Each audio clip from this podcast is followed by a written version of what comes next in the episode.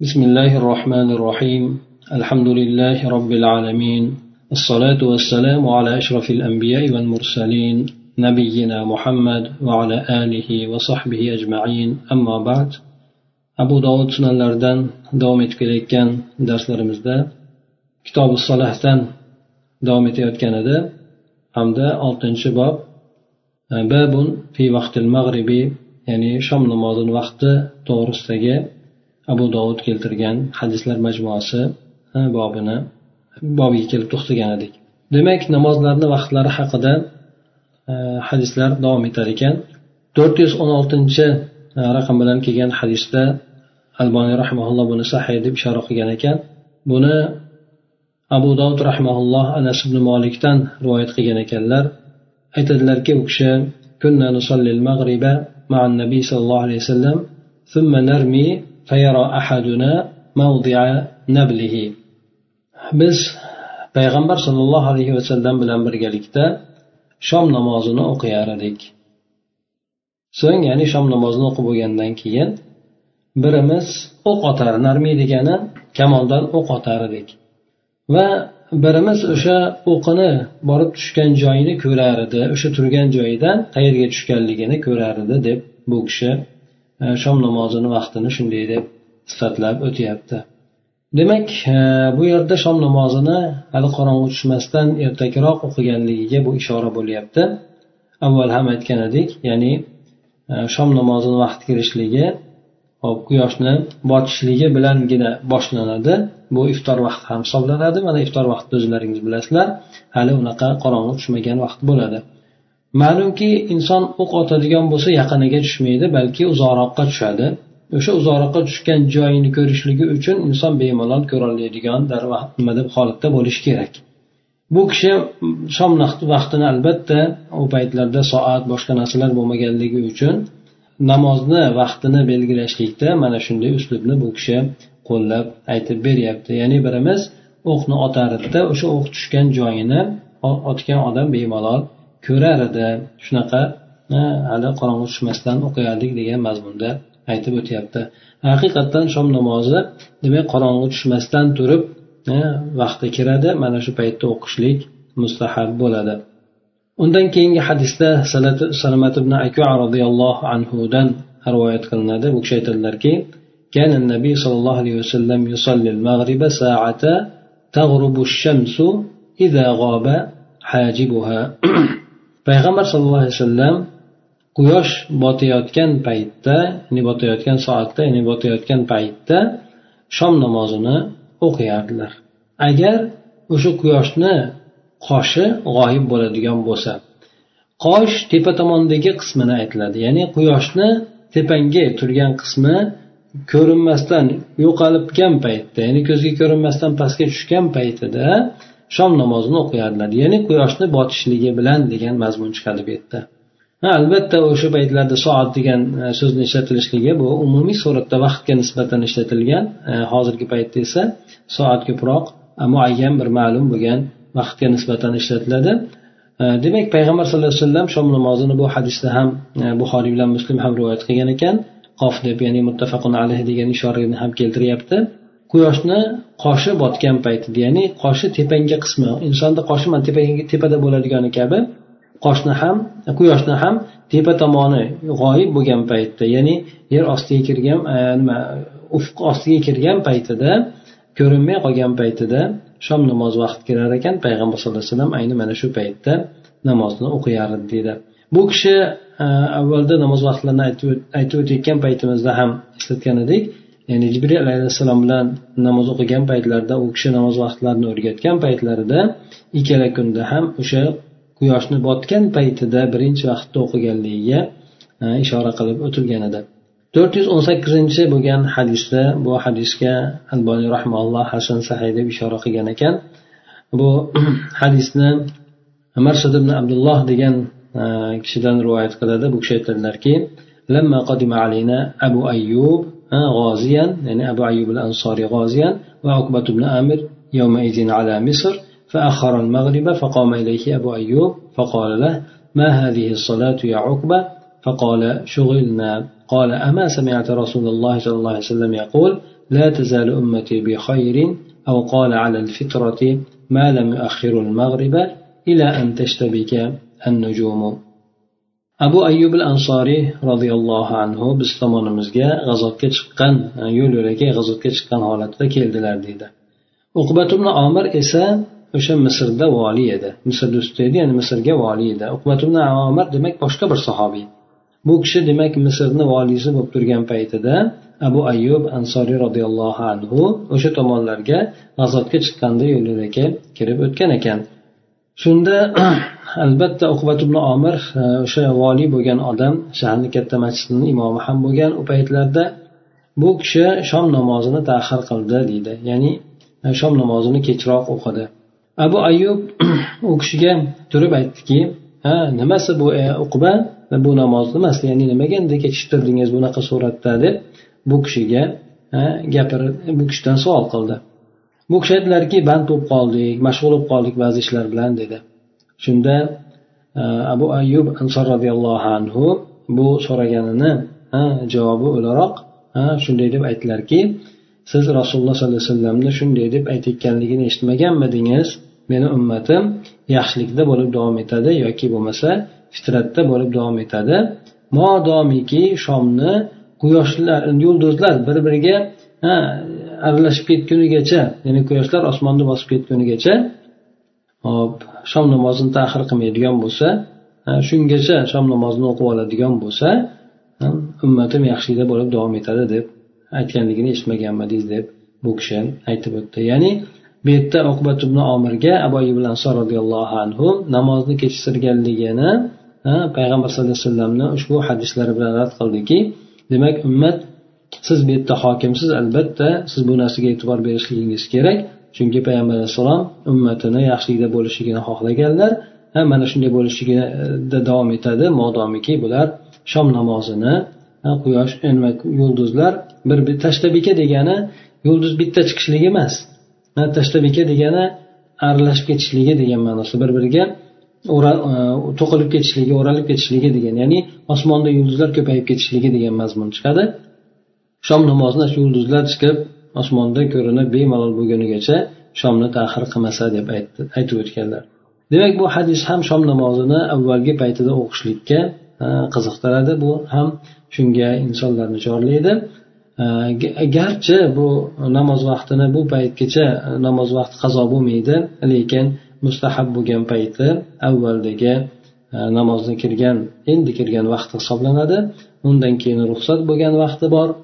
O'sha taxminan bir yigirma minutlar atrofidan keyingi bo'lgan paytlari ya'ni mustahablikdan pastroqqa tushgan payti undan keyin esa zarurat payti kirib qoladi. Bu quyoshni e, qizil shafaqni botar paytiga yaqin bo'lgan holat ya'ni qizil shafaq yo'qolishligi bilan e, xufton namozini vaqti kiradi. Shom namozi o'sha paytgacha davom etadi. Lekin ba'zi olimlar shom namozi to'g'risida payg'ambar alayhissalom ikkala kunda ham bir vaqtda o'qiganligi xosatan mana shunga o'xshagan yuqoridagi hadislarda ham kelganligi shu narsalar e, o'laroq ba'zi olimlar aytishganki juda ham shom namozini tor olgan holatida shom namozi faqat o'sha farz namozi sig'adigan vaqtgacha davom etadi deb ba'zilar ham aytganlar. Ba'zilar demak o'sha e, shom namozini tahir qilib bo'lmaydi chunki biroz muddat o'tgandan keyin qazo bo'lib qoladi degan gapni ham aytishganlar. Lekin umumiy suratda e, rivoyatlarni olib aytiladigan bo'lsa shom namozi xufton namozi kirgunigacha ya'ni qizil shafaq yo'qolgunigacha davom etadiyu lekin o'sha paytgacha inson tahir qilib olib bormasligi bu zarurat holati ya'ni inson safarda bo'lib qolishligi ko'chada bo'lib qolishligi yoki boshqa bir e, narsalar bilan band bo'lib qolib o'sha paytda ertaroq o'qishlikka imkoniyat topolmasligi e, oqibatida inson o'sha paytlarga kechiktirishligi mumkin bo'ladi. Mana bu yerda mana e, bu voliy yoki hokim Э, nishom namozini kechiktirgan paytida abu ayub ansor roziyallohu anhu bunga inkor etib vaqtida o'qishlikka bu kishini targ'ib qildi. Hamda payg'ambar sallallohu alayhi vasallamni hadislarini keltirib o'tdi.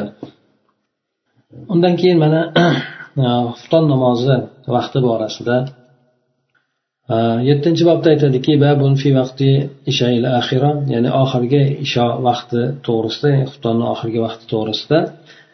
Hop yoki bo'lmasa oxirgi namoz xufton namozini vaqti borasida bu hadisni nomar ibn bashir roziyallohu anhudan rivoyat qilgan ekan u kishi aytadilarki ana a'lamun nasi بوقت هذه الصلاة صلاة العشاء الآخرة كان رسول الله صلى الله عليه وسلم يصليها لسقوط القمر لثالثة ya'ni men odamlarni ichida bu namoz vaqtini ya'ni oxirgi shu xufton namozini vaqtini eng biluvchirog'iman rasululloh sollallohu alayhi vasallam bu namozni xufton namozini oyni uchinchi kechada tushadigan ya'ni yo'qoladigan paytiga o'qiyardilar deydi. Oy yangi chiqqan paytida bir o'n besh yigirma minutcha turadi xolos. Birinchi kechada. Ikkinchisi sal undan ko'ra uzoqroq turadi uchinchisida undan uzoqroq turadi. Ha? Demak uchinchi kunda shu oyni botadigan paytigacha o'qiyardi boshga botadigan paytida o'qiyardi. Ya'ni shom namozi paytida qazo bo'lib o'sha xufton namozi kelgan vaqti bo'ladi. Bu kishi aytib o'tilgandek oyni nimasini ko'rsatib aytdi. Hamda bu yerda qizil shafaqni yo'qolishligini ham aytishlik mumkin edi. Lekin bu kishi bu yerda misolga oyni keltirib o'tdi. Ya'ni uch kunlik bo'lgan oyni bir kuzatadigan bo'lsa inson qaysi paytda e, yo'qolishligi bo'ladigan bo'lsa ana o'sha paytda xufton vaqti kirgan payti bo'ladi deb bu kishi ishora qilib o'tdi. undan keyingi hadislarda ham o'sha xufton namozini vaqtlari to'g'risida e, gap boradi to'rt yuz yigirmanchi hadisda abdulloh umar roziyallohu anhudan rivoyat qilinadi bu kishi aytadilarki makasna ذات ليلة ننتظر رسول الله صلى الله عليه وسلم لصلاة العشاء فخرج إلينا حين ذهب ثلث الليل أو بعده فلا ندري أشيء شغله أم غير ذلك فقال حين خرج أتنتظرون هذه الصلاة؟ لولا أن تثقل على أمتي لصليت, مع لصليت بهم هذه الساعة. ثم أمر المؤذن فأقام الصلاة. بن إمام مسلم حمر وآية قيانا كان. عبد الله بن عمر رضي الله عنه أيت الأركي بز بركتا افطن نمازي وشن رسول الله صلى الله عليه وسلم نام كتب تردك. يعني كتب وتردك. وكشي بزجا kechani uchdan bir qismi yoki ketgan paytida yoki undan keyinroq biz oldimizga chiqdilar. Biz bilmaymiz. U kishini biron narsa mashg'ul qildimi yoki boshqa bir narsa bo'ldimi buni bilmaymiz lekin payg'ambar alayhissalom bir kechada e, kechani uchdan biri o'tganda yoki undan ham ko'ra kechroq biz oldimizga chiqdi deydi. Chiqqan paytida u kishi aytdilarki sizlar bu bu namozni kutib turibsizlarmi dedi. Xufton namozini kutyapsizlarmi? deb ulardan savol qildi. Men undan keyin payg'ambar alayhissalom aytdilarki haliyam o'qimasdan kutyapsizlarmi? degan mazmunda aytdilar. Keyin unga qo'shib qo'ydilarki ummatimga og'irlik qilib qo'yishligi og'irlik qilib qolishligi bo'lmaganda edi ya'ni xufton namozini ummatimga og'irlik qilib qolishligi bo'lmaganda edi men ular bilan mana shu paytda o'qigan bo'lar edim. dedilar. So'ng muazzinga ozon aytuvchiga buyurdi. Ya'ni u takbirni aytdi. Ya'ni ozon avvalroq aytiladi. Takbir esa o'sha namozni boshlanishlik paytida aytiladi. Aqoma deganda bu yerda takbir aytganligi tushuniladi. Demak payg'ambar sallallohu alayhi vasallam kechani uchdan biri yoki undan keyinroq chiqdi. Sahobalar shu paytda namozni ichida turishgan edi. Ya'ni namozni kutib turishgan edi. Bundan keyingi bo'lgan hadisda ham mana payg'ambar alayhisalom ayni shu narsa to'g'risida gapirib o'tadi. Demak xufton namozini kechroq o'qishlikni fazilati to'g'risida bu hadisda gap ketyapti. Xufton namozini kechani uchdan biri o'tgan paytda ya'ni kirgan birinchi vaqtida emas balki yana bir muddat ya'ni kechani uchdan biri o'tgan paytda yoki undan ham ko'ra kechroq ya'ni e, eng fazilatli bo'lgan payti pastda yuqorigi hadislarda keladi. Yarim kechaga payg'ambar alayhissalom o'sha aytib o'tadi.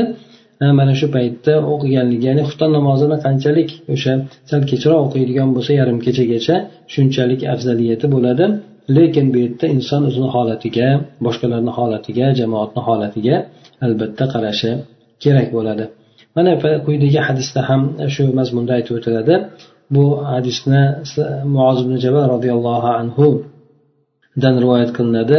U kishidan esa osim humayd sakuniy degan odam rivoyat qiladi u kishi aytadilarki ya'ni muoz ibn jabal roziyallohu anhuni shunday deyotganligini eshitgan ekan أبقينا النبي صلى الله عليه وسلم في صلاة العتمة عتمة فتأخر حين ظن الظان أنه ليس بخارج والقائل منا يقول صلى فإنا كذلك لكذلك حتى خرج النبي صلى الله عليه وسلم فقالوا له كما قالوا فقال لهم أعتموا بهذه الصلاة فإنكم قد فضلتم بها على سائر الأمم ولم تصلها أمة قبلكم muod ibn jabal roziyallohu anhu shunday deb aytdilarki payg'ambar sallallohu alayhi vasallamni xufton namozida kutib turdik abu qayna degani ya'ni biz ularni u kishini kutdik degan mazmunda bo'ladi bu kishi kechikibroq qoldi xufton namoziga kechikib qoldi hattoki ba'zi odamlar o'ylab qoldi ya'ni payg'ambar alayhisalom endi chiqmasa kerak deb o'ylab ham qoldi. Ba'zilar esa bizdan ba'zilarimiz aytdiki o'qib bo'lgan payg'ambar alayhisalom ya'ni uylarida o'zlari o'qib olgan degan mazmunda gapni ham aytishdi. Biz mana shunday bo'lib turgan paytimizda payg'ambar sallallohu alayhi vasallam chiqib keldilar. Sahobalar aytishgan narsani payg'ambar alayhissalomga ham aytishdi. Biz sizni ya'ni chiqmaydi deb o'ylabmiz ba'zan biz o'qib oldik deb o'ylabmiz degandek gaplarni aytishdi. Shunda payg'ambar sallallohu alayhi vasallam ularga qarata aytdiki mana shu paytda xufton namozini o'qinglar dedi. Atama deb demak e, xufton namozini ham aytiladi. Ya'ni bu o'sha e, vaqtni e'tiborga olib aytilgan ya'ni e, tuyalar o'sha paytda dam olishga yotadigan paytmikan? Shunga mazmunan atama deb turib o'shanga vaqtni o'shanga qarab olingan. Mana shu paytda demak xufton namozini o'qinglar dedi. Sababi sizlar e, bu xufton namozi bilan boshqa ummatlardan afzal qilindilaringiz. Ya'ni xufton namozini kechasida yotar paytida ham farz namozini o'qishlik bilan boshqalarga ustidan afzal qilindilaringiz dedi. Sizlardan oldingi ummat bironta bir ummat bu xufton namozini o'qimagan deb payg'ambar alayhissalom aytib o'tdilar. Ya'ni o'qiganlari bo'lsa ba'zi roviylar aytadiki ba'zi olimlar aytadiki o'qigani bo'lsa nafl suratda lekin bu farz suratda bunaqa ummatni qilgan bunaqa holatidagi namozini o'qimagan. Ular o'qigan bo'lsa nafl namozlarini o'qishgan xolos deb aytib o'tishadi. Chunki payg'ambar alayhissalom avvalgi o'tgan hadislarimizda aytgan edi namoz vaqtlarini haqida kelgan hadislarda jibril alayhissalom menga aytdiki bu sizdan avvalgi o'tgan payg'ambarlarni namoz vaqtlari deb aytib o'tgan edi mana shu demak payg'ambarlarni ham mana shu paytlar namoz vaqtlari bo'lgan lekin o'sha bu hadis bilan u hadislarni jamlab turib olimlar aytishadiki ular o'qiganda farz emas balki naflni o'qigan chunki bu yerda hadislarda mana ular xufton namozini mana shu paytda o'qimaganligini e, aytib o'tilyapti. Yana bundan keyingi hadis ham mana shu xufton namozini vaqti to'g'risida bu hadisni abu said hudr roziyallohu anhudan rivoyat qilinadi u kishi aytadilarki sollayna ma rasulillahi sollallohu alayhi vasallam solat al atamati falam yakhruj hatta mada nahvu من شطر الليل فقال خذوا مقاعدكم فأخذنا مقاعدنا فقال إن الناس قد صلوا وأخذوا مضاجعهم وإنكم لم تزالوا في صلاة ما انتظرتم الصلاة ولولا ضعف الضعيف وسقم السقيم لأخرت هذه الصلاة إلى شطر الليل biz payg'ambar sallallohu alayhi vasallam bilan birgalikda xufton namozini o'qidik. U kishi kechani yarmiga yaqin bo'lgan payti o'tgungacha chiqmadilar. Ya'ni kechani yarmiga yaqini o'tgan paytda keyin chiqdilar payg'ambar alayhissalom aytdilarki joylaringizni egallanglar dedi. Biz joylarimizni egalladik. Shunda aytdilarki u kishi odamlar ya'ni namozini o'qib bo'ldilar. Ya'ni odamlar kimlar bu yerda? Ya'ni boshqa musulmonlar yoki boshqa joydagi musulmonlar yoki madinadagi bola bola chaqalar bo'lsin e, yoki ayollar bo'lsin e, o'zlari yolg'iz o'qiydigan odamlar bular namozlarini o'qib bo'lishdi va yotar joylarini olishdi. Sizlar esa namozda bo'lib davom etyapsizlar. Modomiki namozni kutib turar ekansizlar sizlar namozda bo'lib davom etasizlar deb payg'ambar alayhisalom aytdi. Demak inson bir namozni kutadigan bo'lsa boshqa bir namozni o'qib undan keyingi namozni kutadigan bo'lsa bu odam namozni ichida deb e'tibor qilinadi. Ya'ni ajri shunga yarasha olib turadi u odam. Garchi namoz ichida shug'ullanishlik mumkin emas bo'lgan narsalar bilan bemalol shug'ullanaveradigan bo'lsada endi namozni kutib turgan paytida. Shundan demak inson e, bir amalni uchun e, bu maqsad vosita deyiladi Э, maqsad demak o'sha namozni ado etishlik unga bo'lgan vosita o'sha paytda masjidga borishlik masjidda kutib o'tirishlik bu hukmda o'sha nimani maqsadni hukmini oladi. Vosita ham maqsadni hukmini oladi. Shuning uchun inson e, mana namozni o'zi uchun ajr olmaydi balki namozga borishlik uchun ham ajr oladi uydan chiqib namozga borishga niyat qilganligi uchun ham ajr oladi demak har bitta qadam bosadigan bo'lsa o'sha qadamiga yarasha gunohlari kechirilishligi darajatlari yuqorilanishligi ham aytib o'tgan. Boshqa amallarda ham xuddi shuningdek. Bir inson bir yaxshi amalni qilishga niyat qiladigan bo'lsa o'sha harakatini boshlangandan boshlab turib inson o'sha to amal amalga oshgunigacha inson o'sha amalni ichida hisoblanadida ham ajrini olib turaveradi. Bu yerda ham inson demak o'sha namozni garchi namoz o'qimayotgan bo'lsa ham namozni bu vaqtini kutib turganligi namozni ichida deb u odamni hisob qilinyapti. Payg'ambar sallallohu alayhi vasallam aytdilarki zaif odamni zaifligi. Hmm, ba'zan odamlar kasal bo'ladi zaif bo'ladi nochor holatda bo'ladi. Kasal odamni kasalligi bo'lmagan deydi shu narsalarni rioya qilmaganim deydi.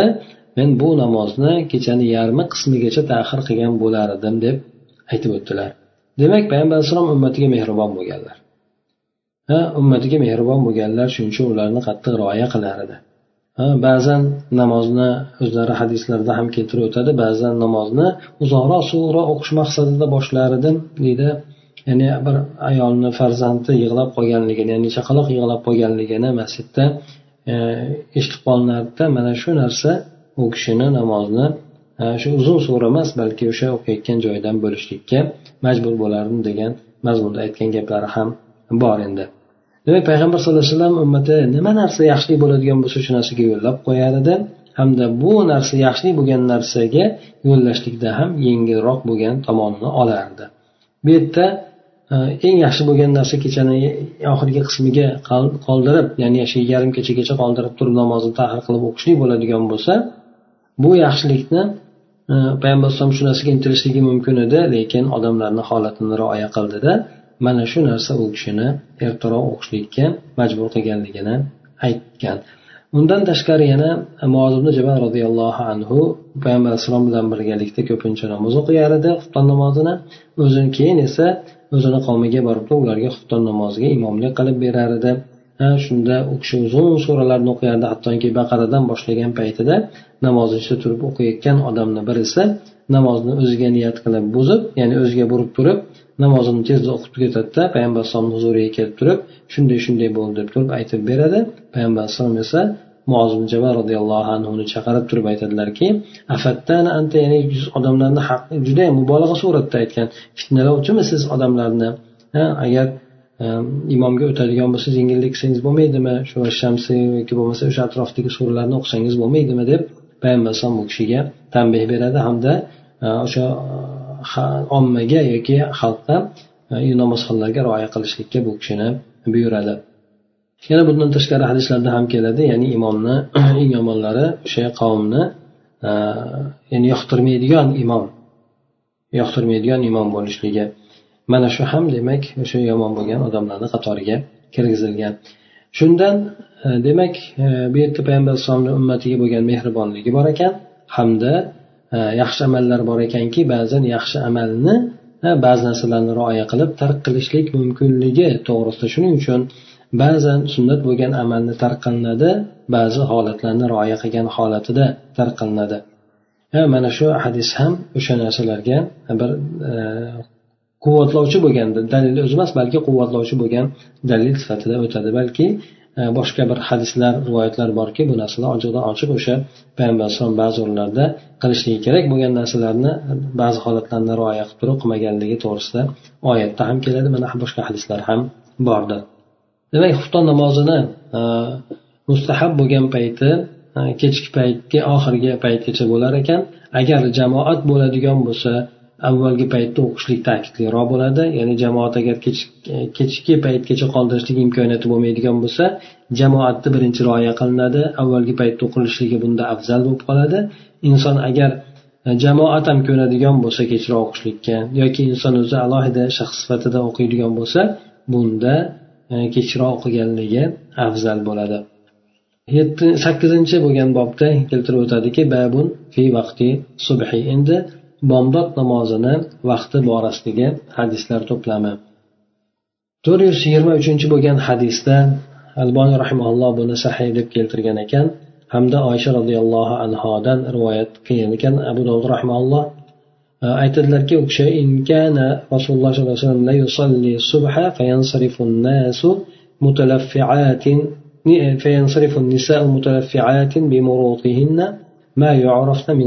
vasallam ya'ni payg'ambar sallallohu alayhi vasallam bomdod namozini o'qiyar edilar. Inkani o'qiydigan bo'lsalar ayollar yopinchiqlariga o'ralgan holatda namozdan burilib ketardilar. Namozdan. Ya'ni payg'ambar alayhissalom e, odat shunday ediki namoz o'qib salom beradigan bo'lsa salom bergan paytida hali imom demak qavmga qarab burilmasdan turib ya'ni astag'firullohlarda aytayotgan paytda ayollar birdan salom bergandan keyin turib turib ayollar eshigi tomonidan chiqib ketishar edi. Ya'ni payg'ambar alayhisalom masjididagi ayollar eshigi deb belgilangan eshik bo'lgan o'sha eshigidan chiqib ketar edi. Keyin payg'ambar alayhisalom burib nimaga qarab o'tirardi? Ya'ni bular salom bergandan keyin chiqishar edi. Shunda ayollar ya'ni o'zlarini yopinchiqlariga o'ralib ketishardi dedi. Undan keyin chiqadigan odamlar hattoki mana aytadiki bu ayollar e, g'ira shiradan ya'ni g'alas degani qorong'ilik bo'lgan paytdan g'ira shira bo'lgan holatidan bular tanilmasdi. Ya'ni bularni shunday shakli ko'rinardi bunday aytganda lekin kimligi tanilmasdi. Ya'ni e, bunda ya'ni qorong'i bo'lgan payt ekanligini bu ifoda qiladi. Agar yorug' bo'ladigan bo'lsa yorishib ketgan bo'lganda albatta bularni kimligi bilingan bo'lar edi. bu esa bomdod namozini erta paytda o'qiganligiga ishora qilinyapti bu hadisda. Undan keyingi hadisda ham mana to'rt yuz yigirma to'rtinchi bo'lgan hadisda buni rofi ibn hadij roziyallohu anhudan aytadilarki qola e, rasululloh sollallohu alayhi vasallam fa aw bomdod namoziga kirgan paytlaringizda namozni o'qinglar dedi. Asbihu degan asbaha degani bir odam tongga kiradigan bo'lsa shunga asbaha deyiladi. Asbaha asbahal mulkulillah biz tongga kirdik degan mazmunda bo'ladi. Ya'ni o'sha bomdod namozi bilan tongga kiringlar. Ya'ni tong namoz bomdod namozini tong ketgan paytda o'qinglar. Bu narsa sizlarni ajrlaringiz uchun eng buyukrog'i bo'ladi yoki ajrni eng buyukrog'i bo'ladi deb aytgan ekanlar. Bomdod namozini ertaroq bo'lgan paytda o'qishlik bu afzalroq bo'lar ekan. Ba'zi mazhablarda mana hanafiy mazhabida isfiror ya'ni kun yoyilishligini ular afzal bo'lgan payti deyiladi. Bu to'g'risida e, payg'ambar alayhissalomdan asfiro bisulhi degan ya'ni e, bomdod namozini isfirorda o'qinglar ya'ni kun yorishtirib o'qinglar degan mazmunda rivoyat ham bor. Buni olimlar aytishadiki bu ayni mana shu bo'lgan hadisni e, nimasi ma'no bilan zikr qilinganligi ya'ni ayni so'zni o'zi bilan emas balki ma'nosi bilan zikr qilinganligi ayni so'zni o'zi ishlatilishligi esa asbihu bisubhi degan e, lafz bilan aytilgan deb aytishadi. Ya'ni undan tashqari payg'ambar alayhissalom e, mana yuqoridagi bo'lgan hadisni ham qaraydigan bo'lsak bomdod namozini ayollar ketayotgan paytda ularni tanib bo'lmaydigan darajada ekanligi bundan tashqari payg'ambar alayhissalom bomdod namozida oltmish oyatdan yuz oyatgacha bo'lgan oyatlarni ya'ni oltmish oyatdan yuz oyatgacha tilovat qilar edi bir rakatda demak bu besh olti bet atrofida besh olti bet mana taborak surasi o'ttiz oyatdan iborat lekin bu sal e, oyatlar madaniy bo'lgan nima kattaroq bo'lganligi uchun o'ttiz oyat ehtimol e, shundan ko'ra jindek ko'proq bo'lgan ya'ni to'rt besh betli bo'lgan e, suralarni payg'ambar alayhisalom o'qiyardi ekan. Bu o'ziga yarasha vaqtni oladi. U kishini tez o'qimaganlar juda ortiqcha sekin ham o'qimaganlar o'rta o'rta mo'tadil bo'lgan holatda o'qigan. Mana shunda yana bundan tashqari e, ro'za paytida e, sahobalarni ba'zilaridan bomdod namozini so'ralgan paytda e, ular shu o'ttiz oyat bilan ellik oyat atrofida degan mazmundagi javobni berishgan. Ya'ni saharlikdan keyin o'ttiz ellik oyat bu o'n besh yigirma minut atrofida nari borsa vaqt oladi. Ya'ni o'sha paytda o'qiganligiga ishora qilib aytgan edi. Undan keyin mana yana namozlarda vaqtlarga rioya qilishlik to'g'risida hadislarni to'plamini keltirib o'tadi. To'qqizinchi bobda aytib o'tadiki al al muhafazati namozlarga rioya qilishlik. Ularni vaqtlariga boshqa holatlariga rioya qilishlik to'g'risida kelgan hadislar to'plami ekan.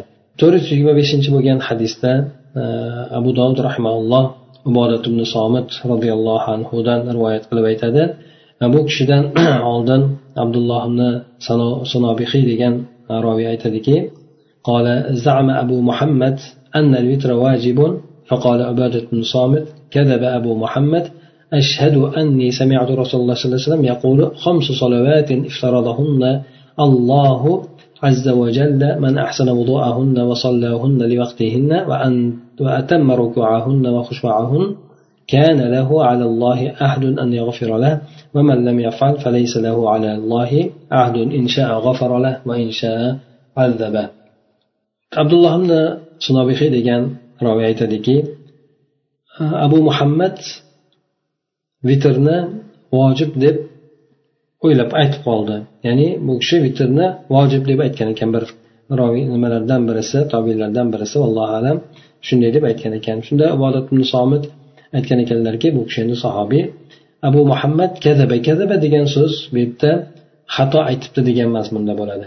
Kezib ikki xil iste'molda ishlatiladi. Birisi hop qasddan bo'lgan e, noto'g'ri gapirishlikni ham yolg'on deyiladi kazaba deyiladi. Noqasddan bo'lgan inson xatoan aytib qo'ygan narsaga ham bu e, bunaqa so'z ishlatishlik bu e, rivoyatlarda ko'p keladi. Kazaba degan hattoki payg'ambar alayhissalom ham o'zlari ishlatgan lekin bu yerda odamlar umumiy suratda tushunadigan yolg'onchilik qasddan bo'lgan yolg'onchilik tushunilmaydi. Bu yerda mana sahobalarni birontasi abu muhammad ham sahobiy ekan allohu alam. Bir sahobalarni olimlar aytishadiki birontasi yolg'onlik bilan qasddan yolg'on gapirishlik bilan sifatlanmagan. Bular hammasi adolatli bo'lgan deb aytiladi. Ana shundan e, bu yerda kazaba deganda bu xato qilish ya'ni inson yanglish qilishligi noqasddan xato gapni aytishligi bu e, keladi. Ya'ni bu odam vitrni vojib deb aytganda ubadat musomiz roziyallohu anhu bu kishini gapini xatoga chiqardida aytdilarki men guvohlik beramanki rasululloh alayhivasallamni shunday deb aytayotganligini eshitganman. Besh vaqt namoz borki alloh taolo buni farz qildi. Besh vaqt namozni alloh taolo farz qildi. Kim ularni tahoratini go'zal qilsa vaqtlarida o'qiydigan bo'lsa rukularni xushularni to'liq qiladigan bo'lsa bunday bo'lgan odam uchun alloh taoloni zimmasida uni gunohlarini kechirishligiga bo'lgan ahd bordir. Allohni zimmasida ahd bor u odamni gunohini kechirishlikka.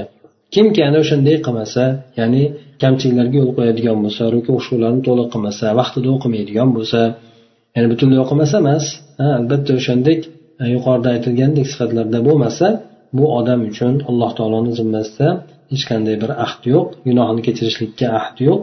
Alloh taolo zimmasiga olmagan bularni xohlasa uni gunohini kechiradi xohlasa esa o'sha qilgan kamchiliklarga binoan uni azoblaydi deb aytib o'tadi. Demak bu hadisimiz birinchidan vitrni vojib emas sunnat ekanligiga ifoda qilib aytyapti. Roziyallohu anhu mana bu hadisni keltirib o'tyapti. Olimlar demak vitrni vojib vojib emasligi to'g'risida ixtilof qilishgan ekan.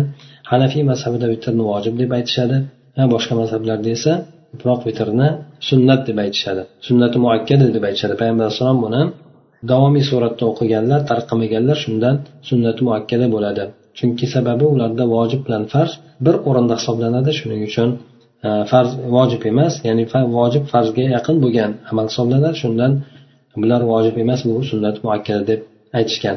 Payg'ambar alayhissalom mana ko'plab hadislar keladiki bunda vitrni o'qishlikni ta'kidlab aytmaganlar. Mana quyidagi mana hadisda ham keltiryapti.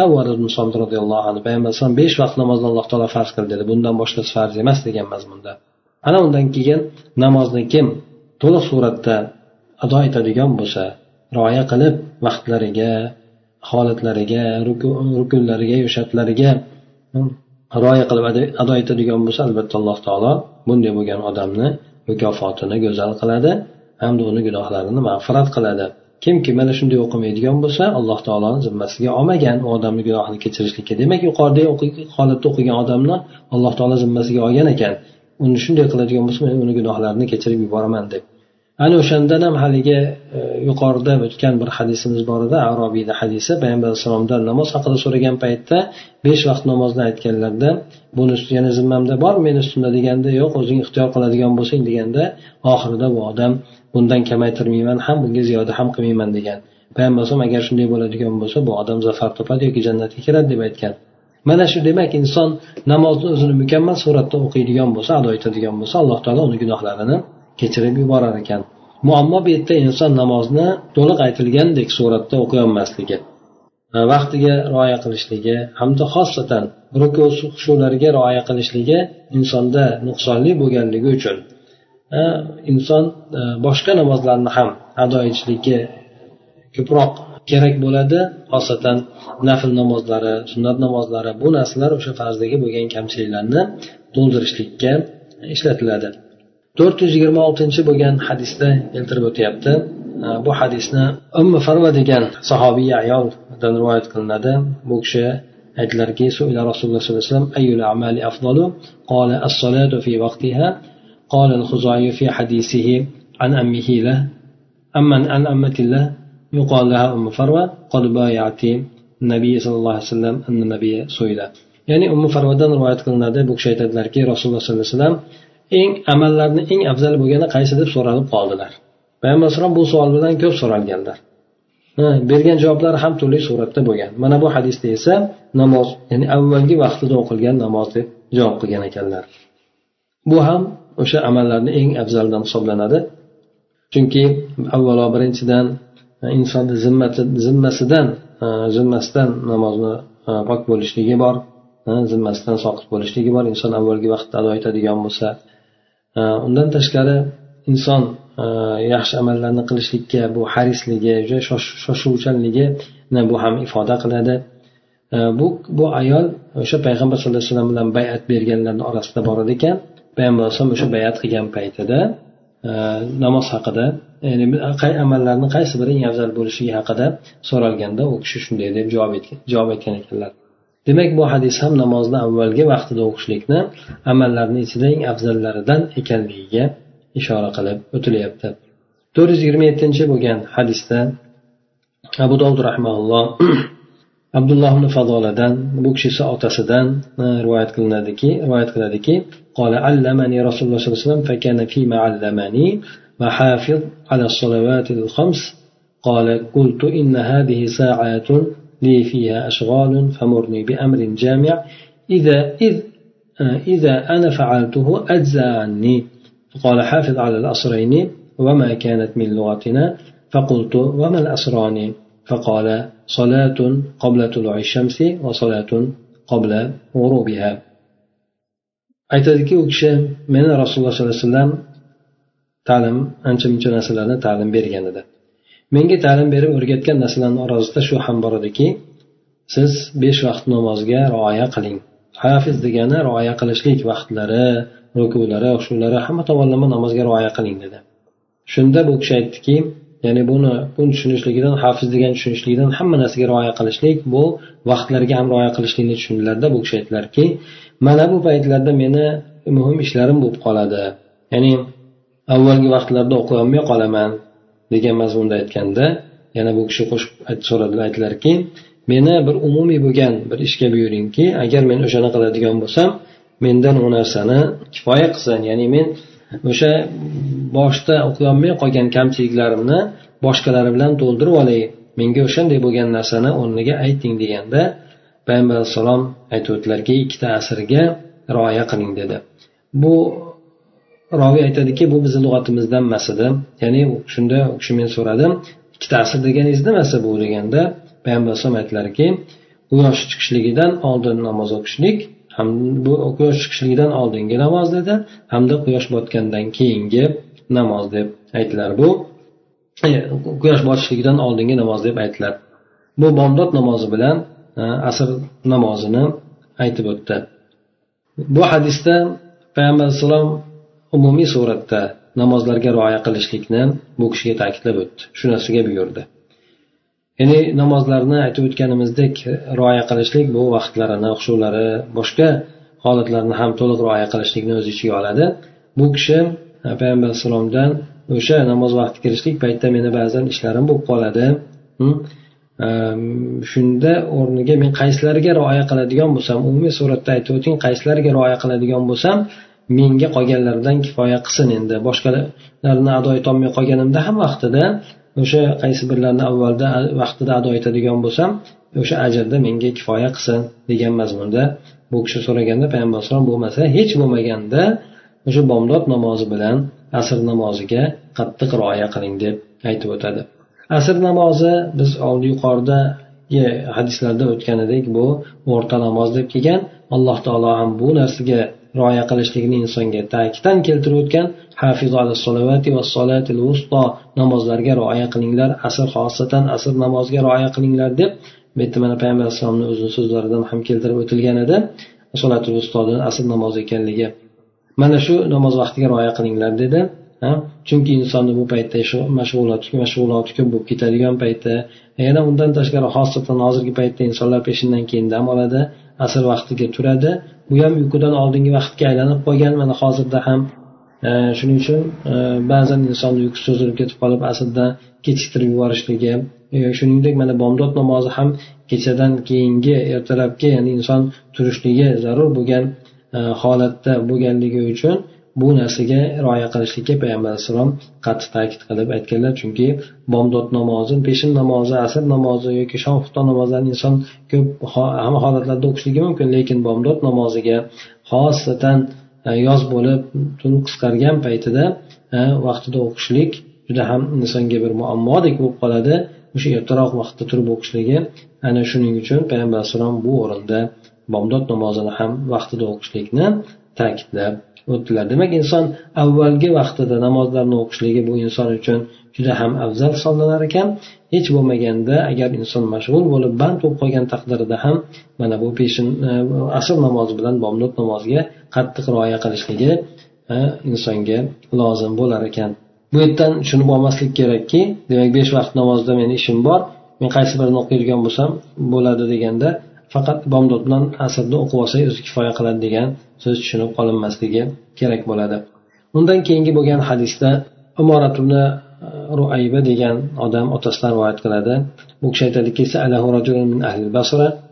فقال أخبرني ما سمعت من رسول الله صلى الله عليه وسلم قال سمعت رسول الله صلى الله عليه وسلم يقول لا يلج النار رجل صلى قبل طلوع الشمس وقبل أن تغرب وأن قال أنت سمعته منه ثلاث مرات قال نعم كل ذلك يقول سمعته أذناي ووعاه قلبي فقال رجل وأنا سمعته صلى الله عليه وسلم يقول ذلك bir odam ahli basradan bo'lgan bir odam u kishidan so'rab qoldi ya'ni umorat ibn ruaybani shu otasidan so'rab qoldi aytdiki menga rasululloh sollallohu alayhi vasallamdan eshitgan narsani xabarini ayting dedi u kishi javob qilib aytdiki men rasululloh alayhi shunday deyayotganligini eshitganman qaysi bir inson quyosh chiqishligidan oldin namoz o'qisa hamda quyosh botishligidan oldin namoz o'qiydigan bo'lsa ya'ni bomdod namozi bilan asr namozini o'qib yuradigan bo'lsa bu odam do'zaxga kirmaydi dedi.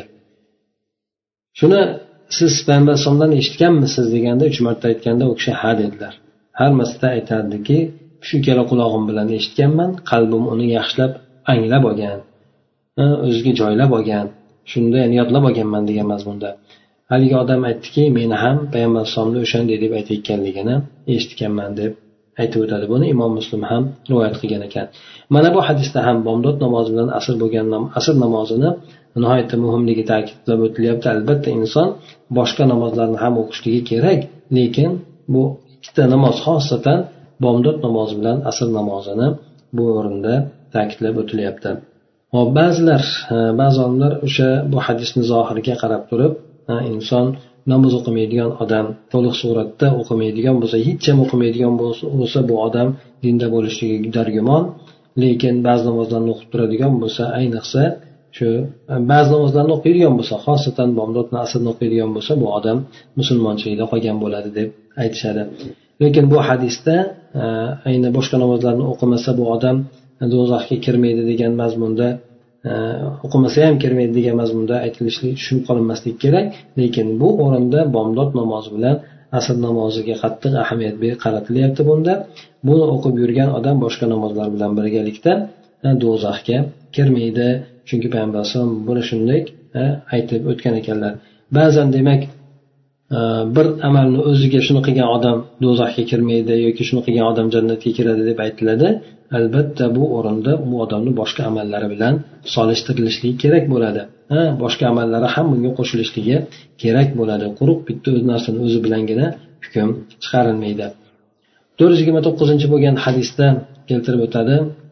Said ibn musayyib rahimaulloh aytadiki ibn rib'iy أخبره قال قال رسول الله صلى الله عليه وسلم قال الله عز وجل إني فرضت على أمتك خمس صلوات وعهدت عندي عهدا أنه من جاء يحافظ عليهن لوقتهن أدخلته الجنة ومن لم يحافظ عليهن فلا عهد لي عندي. عهد له عندي.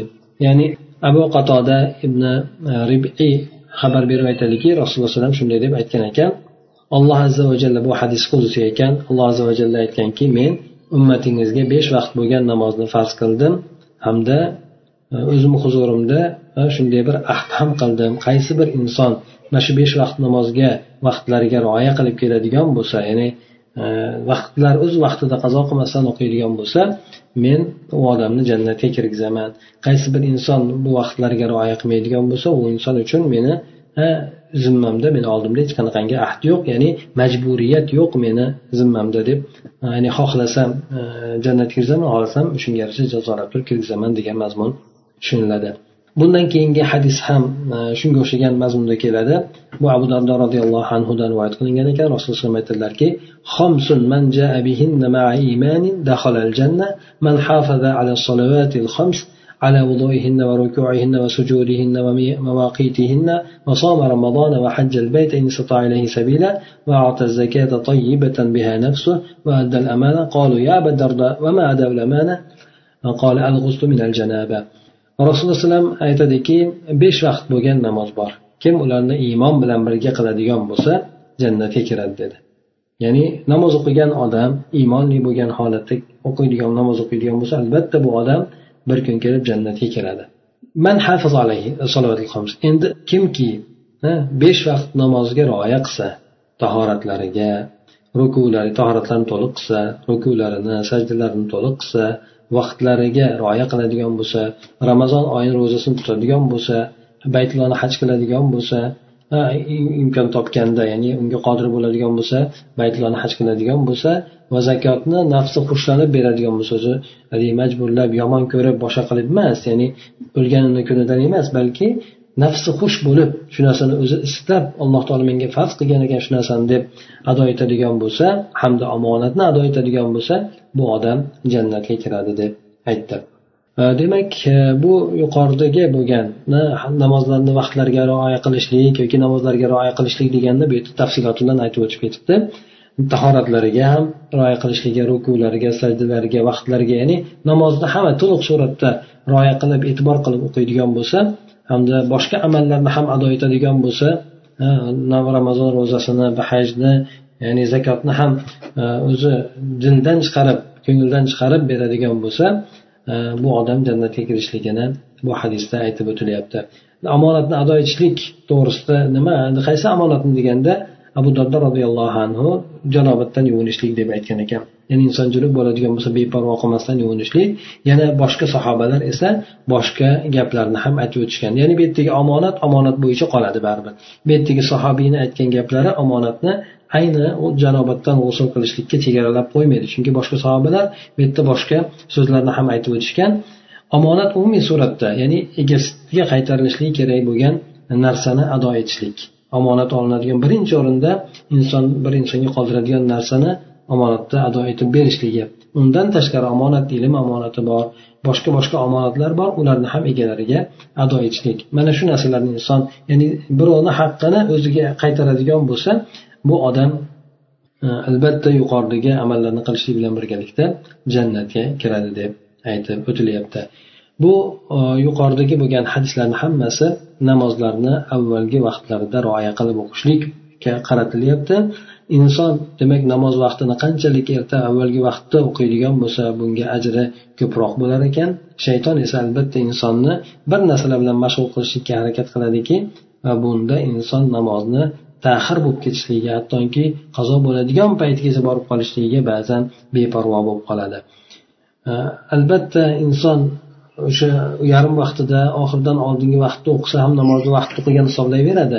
Lekin namozni vaqtlarini o'qilishligi mana odamlarda har xil holat. Mana e, alloh taolo qur'onda keltirib o'tgan paytda mo'min bo'lgan odamlarni avvalgi ahli kitoblarni ham mo'minlarni ham bu jumladan uch qismga bo'ladi.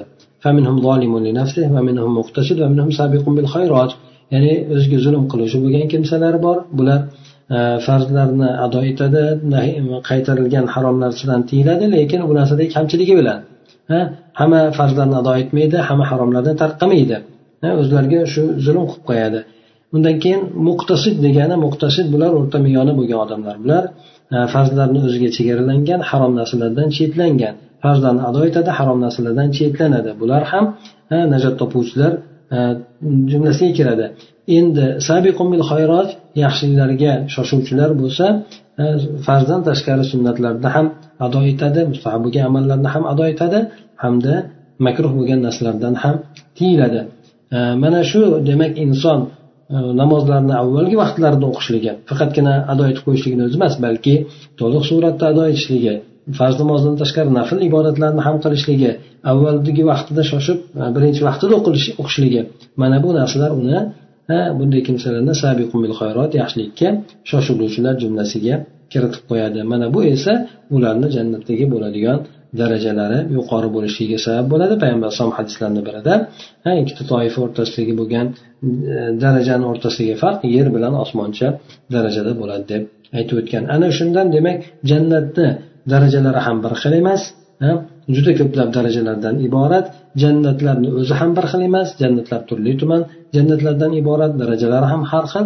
Demak insonlarni amallari qaysi amalga qanchalik e'tibor berib qilganligi qanchalik suratda to'liq ado etganligiga qarab turib insonlarni darajatlari bir biridan farq qilar ekan. Alloh taolo hammalarimizni yaxshilikka muyassar qilsin.